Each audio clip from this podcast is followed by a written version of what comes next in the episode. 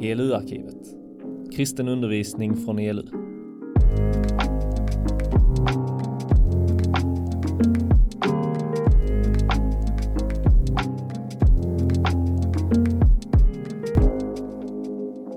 Tack för inbjudan. Tack för och ni, ni är ju tappra som har gått i värmen hela vägen hit. Kul att se er. Eh, som sagt, jag heter Per Eive, varit gift med Kerstin i 44 år, har tre vuxna barn, två barnbarn och och eh, jobbar numera som resepredikant, författare och också ska jag starta upp en bibelskola i Göteborg också eh, i, om tio dagar. Så så det är med det. I alla fall, jag växte upp på en liten ö där jag nu bor för övrigt, Kjell Knippra i Göteborgs norra skärgård. Eh, och eh, när jag växte upp så var mina föräldrar kristna och jag, ja, det var ganska bra med barn. Som barn så hade jag positiva erfarenheter av kyrkan och barngrupper och så vidare. Men när jag kom i tonåren och så vidare så Nej, det var inte så upphetsande. Jag satt av många tråkiga gudstjänster. Det har inte ni gjort förstås, men jag gjorde det. Och dessutom då så var jag inte så där intresserad. Jag var mer intresserad av brännvin, kvinnor och fotboll om jag säger så. Än, än det där andliga saket. Så, men någonstans hade jag en tro och jag bad eh, aftonbön och jag hade en trygghet. Men det gav mig inte så mycket. Eh, och jag säga så att jag skulle nog inte kunna tänka mig att vara präst eller pastor. Alltså vi hade haft ett antal eh, pastorer, EFS-predikanter och präster som hade bott i vårt hem. Och nej, jag, jag hade nog hellre blivit nästan vad som helst. Bananböjare på Hawaii eller makaronborrare eller vad som helst. Men inte präst. Och nu har jag jobbat som det egentligen hela mitt liv. Vad var skillnaden? Ja, men så här, när jag växte upp, jag visste ju vem Gud, Fadern var. Jag hade känt honom i jordgubbarna och havet och solen och allt det där. Och jag visste vem Jesus var som visade, vem han visade Guds kärlek och som dog för mig på korset och så vidare. Det visste jag. Men om någon hade frågat mig vem är den heliga ande så skulle jag nog ha sagt, jo det är den, den, den som jag inte vet något om alls. Men faktum var att det var mötet med den heliga ande som, fast jag inte fattade att det var det som förändrade mitt liv totalt. Och som gjorde den att jag ändå har blivit den jag har blivit och varit med om det jag varit med om. Vilket har varit en väldigt, väldigt spännande resa. Inget i mitt liv har varit viktigare än det. Och jag ska berätta en liten grej. Alltså man kan vara med om mycket märkliga. Bland annat var det faktiskt så här att jag och min fru jobbade i tio år i Kalmar. Eller jobbade åtta och ett halvt. Och så upplevde vi att en dag så sa Gud till mig, du ska flytta till en större stad på västkusten och starta upp en ny EFS-församling där. Och eh, jag och min fru ber över det här ett år. Ett år senare, på hur märkliga vägar som helst, blir jag anställd utan medlemmar, utan kyrka, utan pengar, men med lön ett år. Och vi är i Halmstad och vi, har aldrig, vi hade aldrig varit i stan och kände ingen. Men Gud tar om för oss, ni ska bo i, i den förorten, ni ska bo in i det huset, längst in i det huset. Inom loppet av ett och ett halvt år så hade vi byggt upp en församling Eh, börjat bygga upp en församling där inom ett och ett halvt år var folk ifrån varannat hus av sju som låg på vår gata med i vår kyrka. Och så började vi och så blev det så småningom när vi flyttade nu för efter 32 år där så hade vi då eh, Kornhill där vi hade 85 hyresgäster. Vi har kört en massa konferenser och, och, och, och bibelskola och så vidare. Så det, det, det är ett häftigt liv med Herren. Det är ett häftigt liv och ett spännande liv Ehm, inte enkelt, full av problem och spänning, liksom, men ändå att Gud, eh, du känner att du lever. Och Det handlar om bönekamp och så vidare också. Jag ska berätta, jag har haft en hel del seminarier om hur man börjar komma ut i nådegåvor. Jag kan bara ge er en liten snutt av det, vad jag brukar ha på en dag. Men ett ställe uppe i Piteå, utanför Piteå hade jag varit några gånger och eh, så skulle vi träna hur, för jag tror att alla som är kristna kan höra från den helige Ande. Alla som är kristna kan höra hur Gud talar rent konkret. Och eh, så hade vi en övning eh, där vi satt i smågrupper och så skulle vi fråga Gud, vad har du att säga den och den och den? Och eh, jag hade varit där flera gånger men till den här samlingen så kom det en kille som jag aldrig hade träffat innan. Han var i 45-årsåldern. Och där jag blundade så såg jag en bild av en upp och ner en båt. Och jag när man får sådana här profetiska ord så kan man säga att den, in, den innehåller tre delar. Dels så innehåller det en uppenbarelse, det kan vara en bild, en känsla eller någonting. Det andra är en tolkning, vad betyder det här? Och det tredje, det är liksom hur ska jag då tillämpa det här? Och jag såg henne på en båt och så sa jag så här, frågade Gud vad betyder detta? Jag, jag sa så här, jag tror att du har fiskat mycket i din ungdom, men du har slutat med det. Men jag tror Herren säger till dig, nu ska du börja fritidsfiska igen. Det var ett spännande kunskapens ord. Ja, och det är det jag. Eh, vad jag inte visste var att den här killen var uppvuxen uppe i fjälltrakten och hade, i, och hade fiskat väldigt mycket tidigare. Eh, när han fick det här bibelordet, men nu hade han familj och hade barn och de hade inte råd och han hade inte tid och sådär heller. Men när han fick det här kunskapens ord så kände han, ja men det är ju något jag vill göra, jag gillar ju det. Så hade hans kompisar på hans jobb frågat, vill du hänga med oss och fiska? Vi ska åka över till Lofoten och, och fiska där. Vill du hänga med oss? Ja, tack vare det här kunskapens ord så upplevde jag att Gud hade uppmuntrat honom att åka. Hans fru var lite tveksam för det skulle kanske kosta mycket pengar trodde hon, men det gjorde det faktiskt inte. Men han åkte iväg. Första kvällen fick han en fisk, en hälleflundra, som var 1,60 lång. Alltså, de fick inte, och den vägde 50 kilo. De fick inte in den i båten så de fick liksom dra ett rep runt stjärtfenan och släpa in den. Liksom. Eh, och dessutom fick de kanske 10, så att eh, de fick hälleflundrafilé för kanske 8-10 kilo per skalle, eh, som är 350 kronor kilot. Eh, dessutom så fick de kanske 10-20 kilo torsk och sej med sig hem. när, hans kompi, när hans svåger som inte är kristen hörde detta så sa han, ringde han och sa Får man sådana fiskar när man är religiös, då ska jag också bli det, sa han.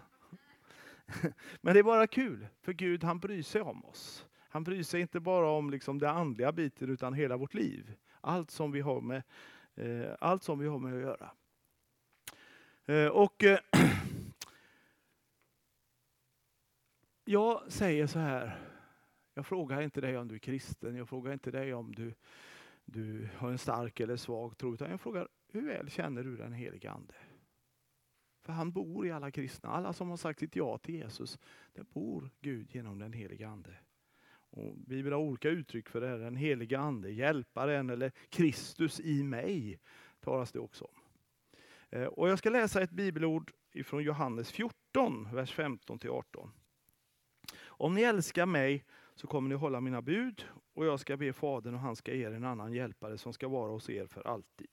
Sanningens ande, världen kan inte ta emot den eftersom världen inte ser den och inte känner den. Men ni känner den eftersom den kommer att vara hos er och kommer att vara i er. Eh, de här verserna talas om en annan hjälpare. Eh, och Det finns flera ord, grekiska ord för annan, men det här ordet betyder en av samma sort. Alltså Gud, Fadern ska sända en av samma sort som Jesus som ska vara hos oss och i oss. Och Man kan, skulle kunna uttrycka det så här. Eh, när du blir en kristen genom dopet och tron så får du anden i dig. Och eh, Frågan är inte om du har den heliga ande då, utan hur mycket han har av dig. Därför att det som för, det, anden vill förhärliga, han vill göra att jag blir mer lik mig själv, mer lik Jesus och lever i samma intimitet som Jesus levde med Fadern. Det är vad anden vill göra i mig. Eh, och, och, på så sätt så säger, och där kan vi ha mer eller mindre ande i oss, men alla har den heliga ande. Man kan inte vara kristen utan den heliga ande. Men samtidigt talar Jesus om att den heliga ande ska vara hos oss. Och den heliga ande hos oss, det är om ni har varit med i någon gudstjänst, något möte, någon bönesamling, där ni har upplevt Guds närvaro. Har ni gjort det? Det är den heliga Ande hos oss. Kanske bäst illustrerat att, att anden var som en duva över Jesus när han döptes. Eh, så att den heliga Ande är i oss. Och det som förändrar oss, det är inte den heliga Ande hos oss. Vi kan vara med om jättestarka möten, men det förändrar oss inte, även om vi, vi liksom blir berörda. Utan det som förändrar oss, det är när anden får göra sitt verk i oss. Nämligen att den helige, när, när Gud manar oss att nu ska du förlåta den där killen som har gjort dig illa. Eller nu ska du eh, ring det där samtalet. Eller sluta upp och titta på den där porrfilmen. Etc. När vi, när vi ger ett gensvar till vad anden manar i oss och vi säger ja, då får anden större och större inflytande i vårt liv. Är ni med på skillnaden i oss och hos oss? Det är viktigt att förstå. Och Sen så går vi på texten, jag läste den i förmiddags. Johannes 10, 4 och 5 och vers 14. När han släppt ut sina får går han före dem och fåren följer honom därför att de känner igen hans röst. Men en främling följer dem inte utan springer ifrån honom därför att de inte känner igen främmande röster. Jag är den gode herden och jag känner mina får och de känner mig. Alltså, lär känna Jesu röst, Andens röst bland många andra röster. Och jag sa för er som var i förmiddags, och det repeterar jag gärna. Den heliga ande, det finns tre grundprinciper för hur den heliga ande verkar. Den heliga ande kommer alltid att förhärliga Jesus Kristus. Eh, Jesu Kristi person. Han kommer alltid att ge ära, inte allmänt prata om Gud, utan han kommer att prata om Jesus Kristus och förhärliga honom. Den korsfäste Kristus. Han kommer också att prata om Kristi kropp. En del har fått för sig, alltså nämligen församlingen, en del tänker så här att vad ska, jag, vad ska församlingen vara bra, till, bra för? Och så tänker jag vad, vad jag kan få, vad jag, den kan ge mig det och det och det. Men vet du, Församlingen är bra på väldigt mycket. En av orsakerna är så här. När du har varit kristen ett tag och lever nära andra kristna så kommer du att märka att det finns människor du irriterar dig på. Har du märkt det? Och om du då är riktigt ärlig så kommer du inse att jag är faktiskt likadan. Så just det att leva nära andra människor får fram någonting i mig som jag inte kommer att upptäcka själv. Så jag behöver församlingen för att få se vem jag egentligen är. Det finns ju många synder och när vi tänker på synder så, jag menar, synder det är ju sånt som vi gör som är dåligt. Alltså stjäla och fuska och ljuga och, och all, allt sånt, det, det är typiskt. Men vet du, det finns en synd som Bibeln talar om som är jätteallvarlig. Alltså Adam och Eva, de frestades inte till att ljuga eller fuska eller hora eller något i den stilen. Eller supa eller något. Men vet du vad de frestades till? Högmod. Man ville själv bli så som Gud. Det var synden. Och alla andra synder, det är liksom negativa saker vi gör. Men vet du vad högmod handlar om? Det handlar om att alltså, ju mer du har gjort som är bra, desto mer får du... Jag är inte vem som helst. Här, här kommer jag. Alltså högmod kommer av allt det goda jag gör. Det är lite läskigt. Att jag ser ner på andra människor på grund av, Ja, inte vem som helst, inte som er, ni som är här, utan här är jag. Och jag vill säga så här, och nu har jag varit med i den här branschen ganska länge, att du kan vara hur brukad av Gud som helst. Du kan be för sjuka och de blir helade, du kan evangelisera, du kan plantera församlingar, du kan leda korståg och möten och allt möjligt. Och det var fantastiskt. Men det kommer alltid att finnas områden i ditt liv som den heliga Ande inte kommer åt och kan beröra. Såvida du inte lever nära andra kristna människor som inte bara är dina beundrare utan antingen lever på den här liksom en kompisnivå eller står över dig så att säga i rang som har rätten att tala in i ditt liv. Det är det som är problemet med sekter. De avskiljer sig från resten av kristenheten. Eh, så att ingen har rätt att tala in i deras liv. Det är väldigt nyttigt att jobba i ett samfund. Jag jobbar i EFS, har jobbat hela mitt liv, eller ELM eller vad nu jobbar. Därför du tvingas leva nära andra människor. Andra människor har rätt att tala på något sätt och korrigera dig. Så att om jag ska bli den som anden har tänkt att jag ska bli, då behöver jag leva i en nära gemenskap. Så anden kommer alltid att förhärliga Kristi kropp. För bara då kommer sanningen fram. För det tredje, anden kommer alltid att förhärliga Kristi ord. Eh, alltså Bibel. Hur talar då Gud?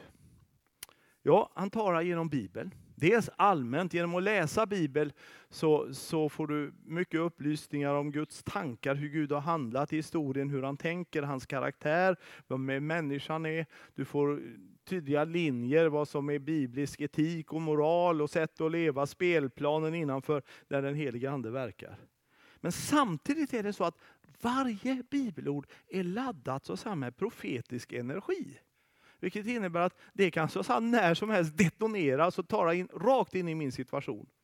Martin Luther har ni nog hört talas om. Han var en munk, han var from och han har läst Bibeln jättemånga gånger. Han har säkert läst sitt romarbrev många, många, många gånger skrivit avhandlingar om det. Men en dag när han sitter uppe i tornrummet och läser, så läser han Den rättfärdige ska leva genom tro. Och det är liksom som en, inte fysiskt, men liksom i andens värld, en slags liksom detonation som bara exploderar. Och Luther ser helt plötsligt alltihop på ett nytt sätt. Och det är ingen överdrift att säga att hela, hela världen förändrades tack vare det bibelordet som detonerar in i Luthers liv. På gott och ont, ska man säga, för det skedde en massa negativa saker efter reformationen med bondeuppror och det ena med det andra. Men själva grejen är att, och så är det med vilket bibelord som helst, som kan när som helst detonera. Men sen kan Gud använda vad som helst. Han kan använda vårt inre, bara att jag bara vet att jag vet att jag vet. Eh, tankar, känslor, bilder. Eh, det kan vara änglar till och med. På förra seminariet, eller för, på i förmiddags var det en kille som hade sett en ängel. Det har aldrig jag gjort. Eh, det kan vara, jag får ofta bilder för min inre syn, jag får tankar. Det kan vara någon som har en profetiskt ord, det kan vara en sång, det kan vara en predikan. Det kan vara i princip vad som helst. När han släppte ut sina får går han före dem. Eh, och då handlar det om att den helige Ande vill tala till oss och det är så viktigt att vi lyssnar och gör vad han säger. Och eh, Något som har betytt väldigt mycket för mig, det var det är mina bönepromenader. Jag, menar, jag, jag begrep ganska tidigt att det är viktigt att be. Och jag, prövar, jag vet inte om ni har prövat, och liksom, nu ska jag be mer. Så man så. Jag prövade alla möjliga varianter, bönelister och be tungor och allting. Jag insåg att jag är för rastlös för det. Så kom jag på något bra sätt, nämligen att gå bönepromenader. Och det förändrade hela mitt liv. Jag har gjort det i över 40 år nu. Över 30 år ska jag säga. Eh, vilket innebär att jag börjar gå och jag vet hur lång min runda tar. Kanske 20 minuter, 30 minuter, 40 minuter. Och så jag är ute och går och jag, och jag liksom, ibland ber jag, ibland så bara är jag med Gud. Och jag menar, ibland är jag väldigt from i mina tankar. Jag ber för olika saker, vad jag ska tala om, predika om och så glider tanken bara över till vem vinner fotbolls-VM och så hur ska jag flugfiska nu liksom och så vidare. Men det är helt okej okay för Gud. Och så går jag tillbaks. Men på något sätt, jag delar mitt liv med Gud. Och det fantastiska, vet du vad det är? Att, för mig har det varit fantastiskt. När jag har varit ute och gått så här så, så vet jag att liksom, jag behöver inte titta en enda gång på klockan. Jag behöver inte vara rädd att någon ska ringa eller något, för jag stänger oftast av mobilen och så. Där. Utan jag vet att när jag går ut så är klockan si och så mycket och jag vet hur mycket den är när jag kommer in, kommer tillbaks. Så jag på något sätt går in i evigheten när jag går ut och går. Det har varit helt fantastiskt faktiskt och jag uppmuntrar er att, eh, att liksom bara dela livet med Gud. Och alla min, de flesta av mina predikningar har jag fått där någon gång hemma för några år sedan så hade det så jobbigt att förbereda. Ut och gå, säger Kerstin, liksom min fru. Så, så hon vet att det händer något. Då. Det var en gång en tant uppe i Norrland. Och hon hade den vanan, förstår ni, att hon pratade gott om alla människor. Alla pratade hon gott om. De hörde inte henne prata negativt om en enda människa. Så en gång så skulle några sätta henne på prov. Så att eh, de sa så här, du, du som pratar gott om alla, Djävulen, kan du säga något gott om honom? Ja, inte han lat inte, sa han. Och det är han inte. Jag vet inte hur det är för dig. Men för mig är det så att jag kan vara med om att Gud har svarat på bön. Jag kan vara med om något jättemäktigt bönesvar eller Guds vägledning. Och så nästa dag så får jag punktering på cykel och eh, ja, det, det regnar ute, jag har ont i huvudet och det är någon som eh, skäller, gnäller på mig. Och så är det precis som allt det där flytet är borta. Har du varit med om det? Ah. Så jag lärde mig en sak och jag började med att skriva ner bara, nämligen att skriva ner. När Gud gör någonting, han skrev jag ner först i en bok och det gjorde jag under tio år. Men de sista, sedan 1995, det är ganska länge, över 25 och 27 år sedan, började jag skriva ner mina böner. Och, och, och, här är allt möjligt. Jag skrev ner mina böner men också en dagbok vad jag var med om. Eh, jag skriver ner liksom vad, tilltal och saker som jag tror och så vidare. Och Det häftiga är att när man går tillbaka och kikar i de där böckerna så kan man se att det där som jag trodde absolut var Gud och jag bad, jag var så mycket på, det blir inget med. Men andra saker som jag nu liksom får vara med och leva i och se eh, fantastiska saker som Gud gör, så bläddrar jag tillbaka och säger och det var bara en liten tanke. Och det var med stor bävan och fruktan, vågar vi göra detta? Ja, och vi bad och vi upplevde. Och så på något sätt så ser jag olika mönster. Men inte nog med det.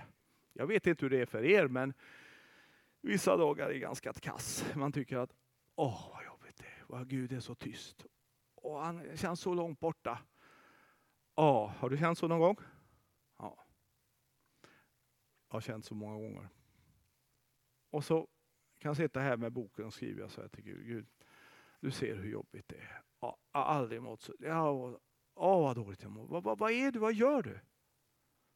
Då tänker jag, så här, det finns inget hopp.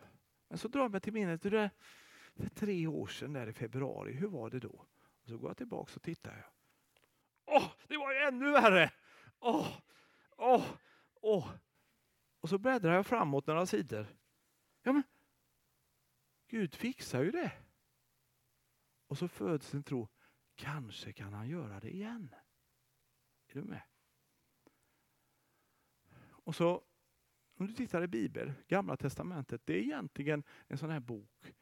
Jag har i min bok en blandning där det är böner, det är bönämne, där det är tacksägelser, det är, det är syndabekännelser och det är lister, det är, är journal, vad jag varit med om och så vidare. Hela Gamla Testamentet är en sån bok. Det är ett folks journal, ett folks bönämnen, ett folks profetier, ett folks tacksägelse, folks syndabekännelse.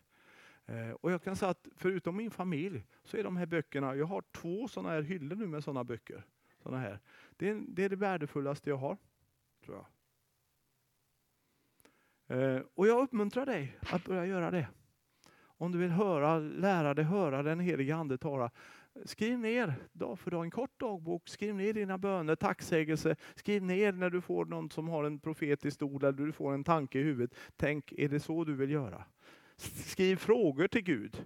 Jag har varit med om det så många gånger att jag ställer frågor till Gud och så bara helt plötsligt så svarar han på det mest märkliga sätt, för han kan faktiskt använda i princip vad som helst. Eh, var öppen för Guds andes tilltal i din vardag. Inte så att du behöver fundera, eh, ja, nu är jag här vid rummet och vad säger du helige Ande, ska jag gå in i köket eller inte? Liksom, eller ska jag ta tandborsten före, eh, tvätta ansiktet och så vidare. Inte så. Men alltså du lever ditt liv men hela tiden är känslig för att när vill du säga någonting? Och så när han säger någonting, då gör du det. Sen är det det här med manifestationer, alltså liksom att man upplever saker. Väldigt många, deras första möte med den helige Ande kan vara jätteomtumlande. Jag har varit med hur folk har fallit i backen, hur de börjat skaka, hur de börjat gråta, hur de börjat skratta. Och, eh, ja, ett tag i vår kyrka i Halmstad så då var det ett riktigt flöde med det här. Och, alltså folk i, i tiotal full och, och var borta i den heliga Ande. Liksom. Och vi, fick sköts, vi fick köra hem vissa i, i vissa tillfällen, det är inte ofta det har hänt, men det fick göra. Men den heliga Ande berörde dem jättestarkt. Eh, och då kan man tro att ju mer jag får av den heliga Ande, desto mer liksom avancerat blir det och så, så småningom svingar vi oss i lampkronorna. Liksom. Men så är det inte, det är precis tvärtom. Ju mer du lär känna den heliga Ande, desto mer naturligt blir det desto mer han blir ett med dig, han bor i dig, i din personlighet och han talar. Och då är det bara små maningar, liksom, gör så, säg så, en ny tanke i huvudet och så.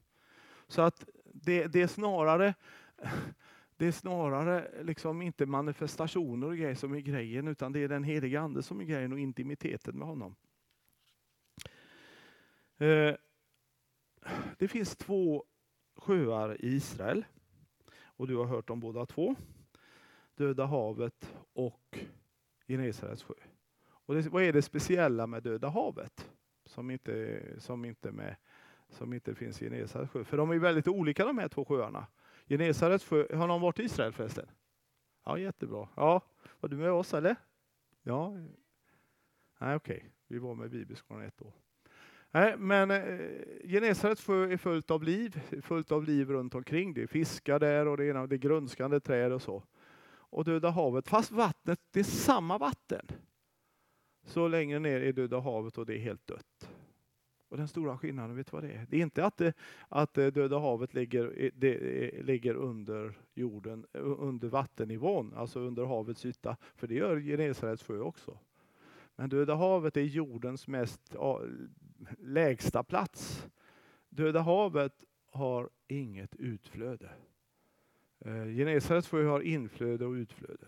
Och vet du, den heliga Ande Gud har gett oss för att vi ska fyllas av honom och för att vi ska ge, ge ut det han ger oss. Som någon har sagt, du ska låta dig fyllas av den heliga Ande varje dag. Så att människor så sagt, kan äta av frukterna, liksom av andens frukt, kärlek, glädje, frid, tålamod, tacksamhet, godhet, mildhet, självbehärskning. Eh, och så att du är så tom så att när du kommer till kyrkan, eh, liksom, eller, så att du nästa gång du har andakt och när du kommer till kyrkan är alldeles tom och säger Gud, jag behöver mer ande. Jag behöver mer av dig eh, så att frukterna kan komma, jag kan förmedla mer frukter. Eh, och, och på något sätt, ju mer jag ger ut, ju mer jag står i tjänst, och nu pratar jag inte om att man ska springa som en skållad råtta, det är inte det jag pratar om. Men när jag står i tjänst och gör det anden visar mig att göra, Eh, då eh, kommer jag hamna i situationer som jag inser att det här klarar jag inte i min egen kraft. Utan Gud, du måste fixa det. Jag behöver din hjälp, jag behöver dig heliga Ande, annars blir det inget. Eh, och det är det som det handlar om. Det finns människor som älskar att gå på karismatiska möten och älskar att bli berörda av den heliga Ande. Men om du bara står där och skakar eller du står och upplever grejer men inte gör det Anden säger att jag ska göra, så, så ber du så småningom bara en, en, en vad ska jag säga, en över, överviktig andlig kristen, men du, du, du blir inte aktiv. Utan det kan bli som en drog till och med den heliga Ande eh, faktiskt att människor söker hela tiden upplevelser och det är inte det det är tänkt för. Det är tänkt för att den heliga Ande ska samverka med oss. Eh, ja, eh, låt mig berätta en sak till. Eh, den heliga Ande kallas för hjälparen. Parakletos på grekiska. Eh, och, eh, och det betyder en som är tillkallad. Eh, Parakletos på grekiska heter advokatus på latin som vi känner igen i ordet advokat. Eh, och är, då ska vi inte tänka på en professionell advokat som finns i en domstol utan snarare en person som det står som fanns för en stöd för en åtalad person i rätten som gick i god för dennes trovärdighet och goda avsikter. För en del år sedan så var det en kvinna som jag känner på en annan del av Sverige som var med om ett fruktansvärt våldsdåd. Hon blev våldtagen och nästan dödad. Eh, när hon förlät den här mannen efter ett antal år som hade gjort detta så gick det bara några månader så blev han fast och då visade sig att han hade faktiskt dödat ett par stycken. Våldtagit och dödat ett par stycken. Eh, hon skulle vittna i rättegången, jag får berätta det här för henne. Eh, hon skulle vittna i en rättegång och så undrar hon om jag ville följa med henne och vara ett stöd för henne i rätten. Eh, och det sa det ville jag gärna.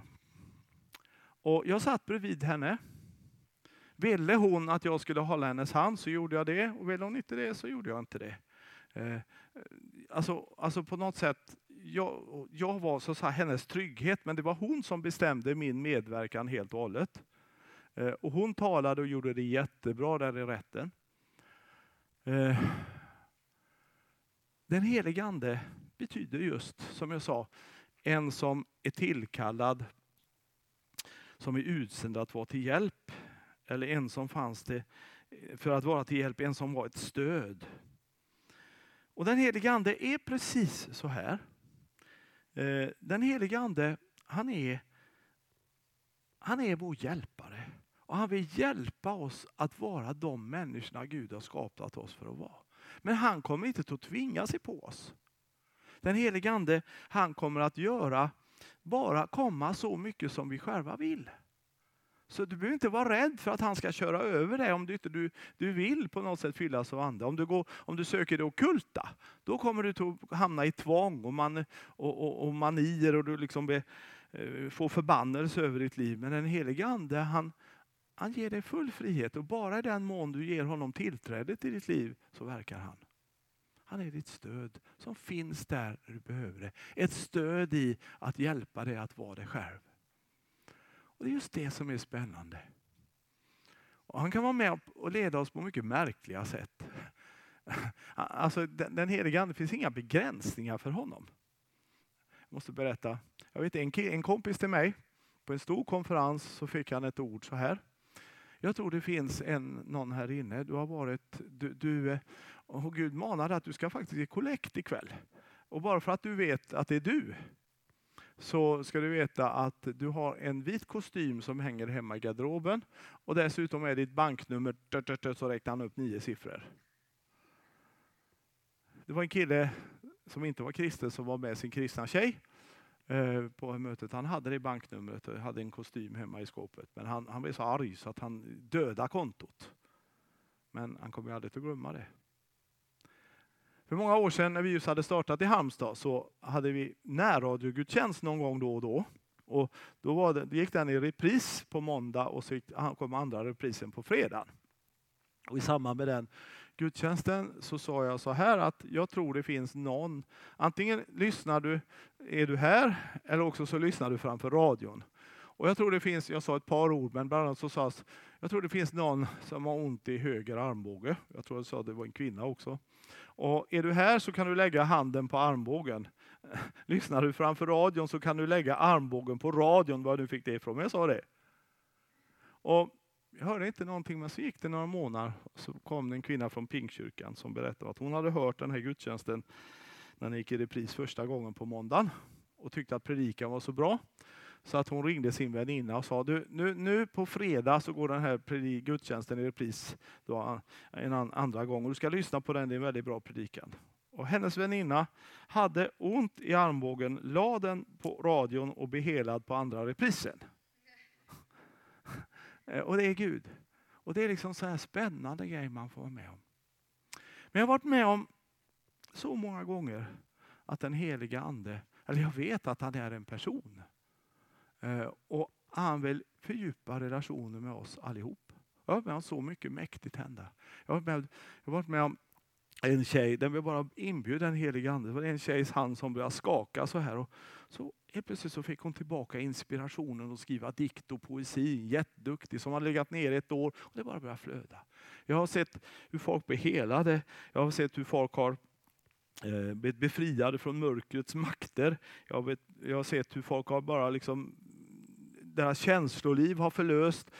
En mängd saker när den heliga Ande, när vi får, han får tillträde till våra liv. Jag ska visa en liten bild för er. Eh, för Bibeln säger så här. Åh, det här är liksom, hade jag egentligen första gången på en familjegudstjänst och det är lite känsligt när man har med tonåringar att göra och pratar med sånt som man har pratat med barn om. Men det funkar lite grann på alla åldrar det här. Eh, det är så här att den heliga Ande, en av bilderna i, i Nya Testamentet, det är, det är vattnet, det levande vattnet. Eh, och den helige Ande vill fylla oss alltså. Och han fyller bara så pass mycket av våra liv som vi ger ut tillträde till, som jag var inne på nyss. Så bara i den mån som vi tillåter honom fylla oss, så kan han fylla oss. Han kommer inte att köra över oss. Och nu, nu kan vi tänka så här, om detta är du och det här är vattnet då. Vi säger den heliga ande. Om du ber, alltså Jesus säger så här. Om redan ni som är onda förmår att ge era barn goda gåvor, hur mycket mer ska inte min himmelske fader i himlen ge det som är gott åt dem som ber honom om det? I parallellstället står det så här. Om redan ni som är onda förmår att ge era barn goda gåvor, hur mycket mer ska inte er himmelske far ge helig ande åt dem som ber honom om det? Alltså Jesus säger i praktiken det som är gott och helig ande, det är samma sak. Och där har vi ett löfte, oavsett om en människa känner någonting, upplever någonting, är med om någonting. När hon ber att den heliga ande ska fylla henne så gör, and, så gör Gud alltid det. Det har vi Jesu ord på. Hur mycket mer ska inte helig Fader ge helig ande åt dem som ber om, om det. Men tänk så här, det här är du och nu vill han fylla på med helig ande. Här Ryms en hel del.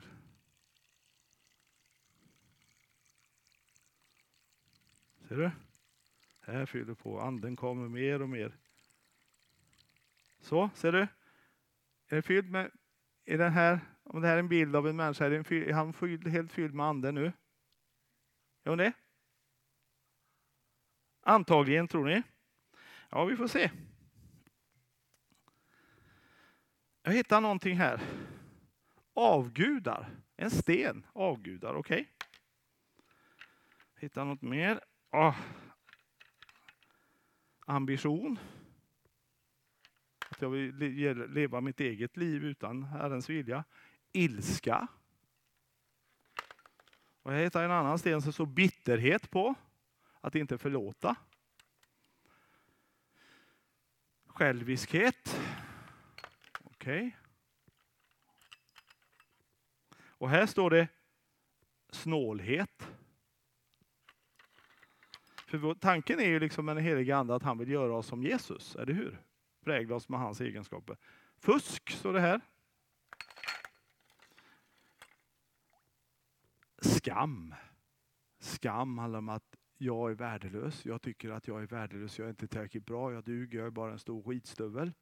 Det är skam. Gud vill inte att du ska se dig sån. Du är underbar i Kristus. Du har fått en ny identitet i honom. Okej. Okay. Ja, och här en stor sten. Skvaller.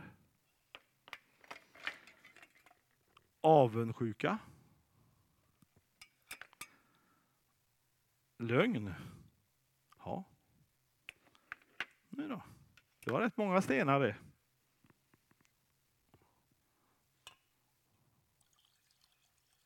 Ja, det ändå, ändå var den halvfylld från början det här. Men ser du? Nu är den fylld med vatten. Så är det min vän. Den helige Ande, han vill fylla oss. Det river jag hela. Ja, det gick bra. Han vill fylla oss och det kan vara med buller och bång ibland. Men han vill fylla oss, men han fyller oss bara så pass mycket han själv får utrymme för. Och det har med vår vilja att göra. Att vi ger honom tillträde. En gång var jag med om när den helige Ande i ett eftermöte rörde sig så här. Jag var, jag var i England. Och eh, när jag la, bara bad, bad för en kvinna så, så började hon krampa och hamna på golvet. Eh, och jag bara bad lugn och ro om Jesu herravälde över henne. Att, att, att hon skulle bli fri. Och så småningom så blev hon fri, liksom lugn. Så berättade hon efteråt. Jag träffade henne 13 år efteråt. Hon var i 40-årsåldern när jag träffade henne. Eh, då. Och 13 år efteråt träffade jag henne. Och då berättade hon att jag hade under 20 år, Eh, en prästfru, levt med anorexi. Men efter den bönen så har jag aldrig haft problem med det. Visst är det häftigt? Jag har med och sett så mycket, för den heliga Ande är god, han vill det väl. Och jag vill utmana dig idag. Att du som har en längtan efter den heliga Ande, att den heliga Ande ska få beröra dig. Så jag ger dig utrymme att, att du ska få möjlighet att, att inbjuda honom. Och då pratar jag inte om att är du inte en kristen så kan du inbjuda honom, Herre kom in i mitt liv med din heliga Ande. Men är du en kristen så har du den heliga Ande, men mycket har han av dig. Det finns en, en metall som heter uran. Jag, jag, kan inte det här egentligen, men uran 237 heter det. Och, och, det är liksom bara en klump så här. Men om du kan dela atomkärnorna i den klumpen så, så frigörs det en sån energi så det kan värma upp hela halva Sverige. Eller det kan bli en atombomb. Precis så, du har redan anden. Men när anden får utrymme i dig, då kan du bli den Herren har kallat dig att vara. Och han vill utrusta dig med nådegåvor och sin kraft. Men vi tar en stund allra först där du bara får fråga Gud, fråga den helige Ande. Är det så att det finns några sådana här stenar i mitt liv? Är det så att det finns saker och områden i mitt liv där du inte har tillträde? Eh, och jag tror den helige Ande är väldigt konkret. Det står att han ska visa världen vad synd, rättfärdighet och dom är. Eh, och det handlade bland annat om att han vill visa synd.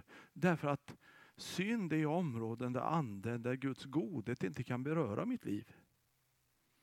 Rättfärdighet är att han vill tala om att han älskar dig och att du är duger. Eh, att du är lika helig som Kristus. Du får del av hans rättfärdighet.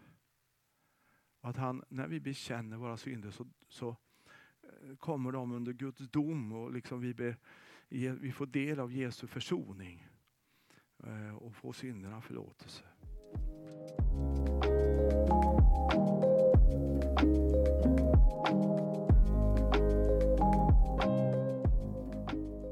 Jag är helt säker på att Herren han, han, fyllde er med sin ande. Jag tror också att någon upplevde det rent konkret fysiskt. Jag tror många gjorde det inte alls och det som sagt spelar ingen roll. För det är inte det det handlar om. Det, det som handlar om, det det handlar om det är liksom det utrymmet när vi är lydiga anden, när vi bekänner det som är fel, när han får utrymme i våra liv. Då kan vi få vara till den välsignelse Gud har kallat oss att vara. Och så är det något man kan växa över. Jag trodde aldrig, aldrig, aldrig, aldrig att jag skulle få vara med och be med folk och eh, dela kunskapens ord eller profetia eller be med någon till helande eller mm, befria någon från demoniska makter. Aldrig, aldrig, aldrig, aldrig. Men genom att vara i rätt miljöer, genom att få lära känna eh, människor som har gåvor eh, och, och, och, som, som gör att som får vara föredöme, som gör att man kan växa, så kan man växa vidare. För jag tror det är någonting som ungefär som jag har varit gift med min fru i 44 år och nu känner vi varandra ganska bra. Eh, och på samma sätt, när du tillbringar tid, ta tid varje dag med den heliga Ande. Inbjud honom, Herre, eh, låt dig älskas av honom som jag talar om på förmiddagen för en del av er. Eh, var i hans närvaro. Lyssna på vad han säger. Det fascinerande är, börja ställa frågor. Eh, Skriv i din bönebok så här, Gud vad har du tänkt med detta och detta, detta, ställ frågor. Och jag lovar att vill du lyssna så kommer han att tala. Inte på det sättet som du tror att det blir eldskrift på väggen eller det, det händer. Utan, men för den som vill veta Guds vilja kommer alltid att få veta det. Gud hittar alltid sätt att tala. Det kan vara på det mest märkliga sätt. Eh, så en av de mest spännande sakerna det är faktiskt att bara dela sitt liv med Gud. Eh, Eh, att helt enkelt be Gud, nu ska jag, imorgon ska jag dit och dit. Herre, led mig. Eh, vill du att jag ska träffa någon speciell person? Ska jag göra något speciellt? Visa mig. Och jättemärkliga saker händer gång på gång. Eh, så jag vill bara uppmuntra dig att fortsätta resan med den helige Ande. Umgås med honom, inbjud honom, dela livet med honom. Tack för att ni har lyssnat. Gud välsigne er.